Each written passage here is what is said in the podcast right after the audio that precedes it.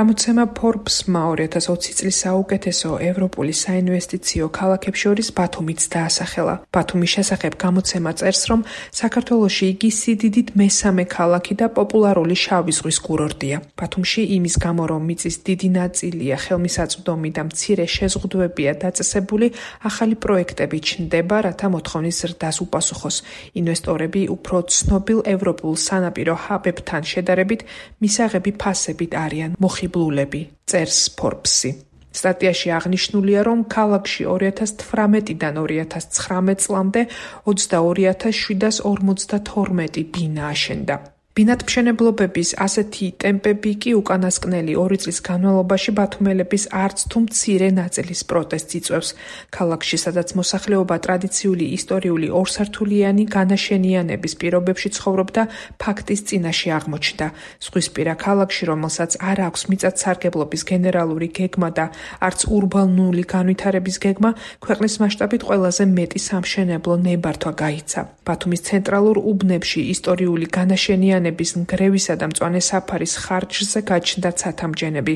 ქალაქის შემოგარენში ქაოსური მშენებლობების შედეგად ახალი უბნები შეიქმნა. მშენებლობების შეზღუდვების გარეშე ბათუმელები ყველაზე ხშირად აპროტესტებენ. შეიქმნა ახალი საზოგადოებრივი მოძრაობები, დაიცავი ბათუმი ახალგაზრდა მწვანეები. ქუჩის საპროტესტო აქციებზე და სოციალურ ქსელებში ხშირად შეხვდებით მოწოდებებს არა ბათუმის ჩაბეტონებას. ძალიან ბევრი ვარ და ეს არის მთელი ქალაქი, რომელსაც ებრძვის დღეს თითოეულა კაცი რომელიც ძალიან თბილს კამზე ზის და რომელსაც გამდიდრების წყურვილი და სურვილი აქვს. ალბათ ეგ ადამიანები კორუმპირებული არიან, მოდი ასე ვიტყვი, პირდაპირ ღიად ვიტყვი, იმიტომ რომ ადამიანებმა თუ ნახეს რა ხდება ევროპაში და როგორ ხდება ქალაქის დაგეგმარება და გენგეგმის შედგენა და ამის შემდეგაც თუ იგივეს აგრძელებენ, მეტი რაღა უნდა ვიფიქროთ. კონცოხაროა რომ ქალაქის მთავრობა და საზოგადოება ერთმანეთისგან ძალიან დაცლებულია და სხვადასხვა რელსებზე არიან.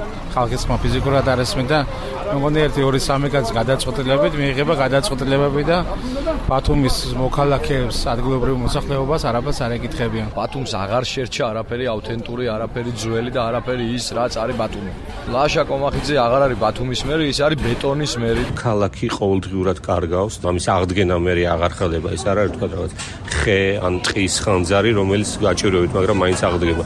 ეს ნიშნავს, რომ ის დაკარგეს საბოლოო და შენ მისი სანაცვლოდ ვერაფერს ვერ ღებულობ და ეს ოდესმე გათავდება და სწორედ ამ მიმართულებით მიდის ჩვენი ხელისუფლება სწორედ იმიტომ ცდილობენ იქ რაღაცების აშენებას რომ ის ლამაზია, მიმზიდველია, მოხდენილი არ და სწორედ იმას ანადგურებენ რაც ლამაზია. აცხადებდნენ ბათუმელების საპროტესტო აქციებზე. მათ მოთხოვნებს შენებლობების შეზღუდვების წესების შემოღებისა და ქალაქის სწორი განვითარების შესახებ აჭარის მთავრობის თავმჯდომარემ თორნიკე რიჟვაძემ გასულ წელს ქართული ანდაზით უპასუხა. ძაღლი ყებს ქარავანი მიდისო. გამოცემა Forbes-ის სტატიაში კი ბათუმის დასახელებას საუკეთესო ევროპული საინვესტიციო ქალაქებს შორის სწორედ იმის გამო რომ მცირე შეზღუდვებია დაწესებული, რიჟვაძემ საერთაშორისო წარმატებად შეაფასა. ეს ნიშნავს რომ როცა ჩვენ ერთი წლის წინ ვამბობდით, რომ ამბიცია იმის, რომ ბათუმი გამختارიყო ხმელთაშუაზღვის პირეთის ერთ-ერთი კონკურენტი ქალაქი, ეს უკვე გადაიქცა რეალობად. თუმცა ბათუმში სამშენებლო სექტორის განვითარება ქალაქშენებლობითი დოკუმენტაციის გარეშე სპეციალისტების უარყოფით შეფასებებს იწვევს. არქიტექტორი გიარამიშვილი ხას უსვამს იმ გარემოებას, რომ ბათუმს საქართველოს ქალაქებს შორის ყველაზე კარგი ქალაქგეგმარებითი ტრადიცია გააჩნია. გასულ საუკუნეებში ბათუმს ჰქონდა სპეციალური რეგულაციები урბანული გარემოსთვის, რამაც მისი უნიკალური ისტორიული განაშენიანება შექმნა. ახლა კი პროცესი უმართავია, ამბობს რამიშვილი. მისი შეფასებითვე არაკვალიფიციური გადაწყვეტილებები ქალაქის განვითარების ხედვის არ ქონა იწევს დაუგეგმავ და გაუაზრებელ მშენებლობებს, რითაც ადგილობრივი მოსახლეობის საარსებო გარემოს სერიოზული ზიანი ადგება. ისეთ ფაქტორებზე როგორიცაა ინსოლაცია, ვენტილაცია, აერაცია და ასე შემდეგ, ანუ ჩვეულებრივი ჯანსაღის საარსებო გარემო, რაც არის აუცილებელი. დღევანდელი ნორმები პრაქტიკულად ამას არ ითვალისწინებს, დღევანდელი ნორმები ამას ითვალისწინებს რაღაც დაშორებებს. ის რაც დაუწერია Forbes, ეს არ ნიშნავს ერთმნიშვნელოვნად დადებით კონტექსტს. ეს ნიშნავს იმას, რომ თუ ქვეყანაში არ არის რეგულაციები, ყოველთვის ყველა დროს არსებობს რეგულაციები. ნებისმიერი მშენებლობის, იმიტომ რომ ნებისმიერი მენაშენე სახელმწიფოც რო იყოს ის, ისე უნდა აშენებდეს შენობას, რომ რაღაც მინიმუმ საარსებო გარემო შეინარჩუნოს ხვებისთვისაც მაინც. ანუ ამ დონეზე მაინც ხდება ხოლმე რეგულაცია. ფორბსი ამბობს, რომ აქ ცოტა მოიკოჭლებს რეგულაციები, ან ან მოიკოჭლებს ამ რეგულაციების შესრულება. ძალიან წყინს, რომ ეს ისეთი უბრალო რაღაცაა, რომელიც მე-17 საუკუნეში გაიაზრეს მაგალითად ლონდონში, მორიგი ხანძრის მერე გენგეგმა გააკეთეს ლონდონი დააგეგმარეს. ის რაც საზოგადოება გაითავისა სამი საუკუნის წინ ჩვენი საზოგადოება არაიძულებს იგივე ხელისუფლებას, რომ არა მარტო ილაპარაკოს ამ თემაზე, არამედ მიიღოს. გამოცემა Forbes-ის სტატიას, სადაც ბათუმი 2020 წლის საუკეთესო ევროპული საინვესტიციო ქალაქებს შორის დასახელდა მიწის დიდი ნაწილის ხელმისაწვდომობისა და მცირე შეზღუდვების არსებობის გამო ნეგატიურად აფასებს ქალაქ გეგმარებელი ზურა ბაქრაძე.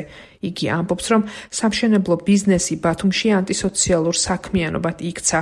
მისი აღიარება კი ბაქრაძის აზრით ასეთი საქმიანობის წახალისებას იწვევს. შენებულობა საერთოდ დაკავშირებულია მოქალაქეთა ეგზისტენციურ მოთხოვნილებათა ფართე კომპლექსთან და ამიტომ მისი ცალმხრივი განხილვა როგორც კერძო მოგებაზე ორიენტირებული ეკონომიკის დარგის, რასაც ძალიან ხშირად ხედავთ ჩვენ საზოგადოებაში და რასაც ამ შემთხვევაში Forbes-ის სტატია აკეთებს, ეს არასწორია.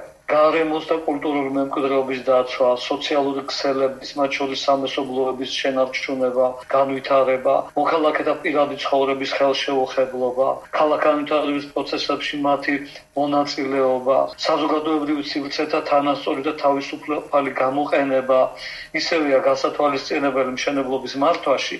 როგორც საერთო საზოგადოებრივი და კერძო ეკონომიკური სარგებელი. ბათუმში მშენებლობამ ყველა აქ ჩამოთვლილი საზოგადოებრივი სიკეთე უგულებელყო და ამიტომაც იქცა ანტისოციალურ არაადამიანურ საქმიანობად.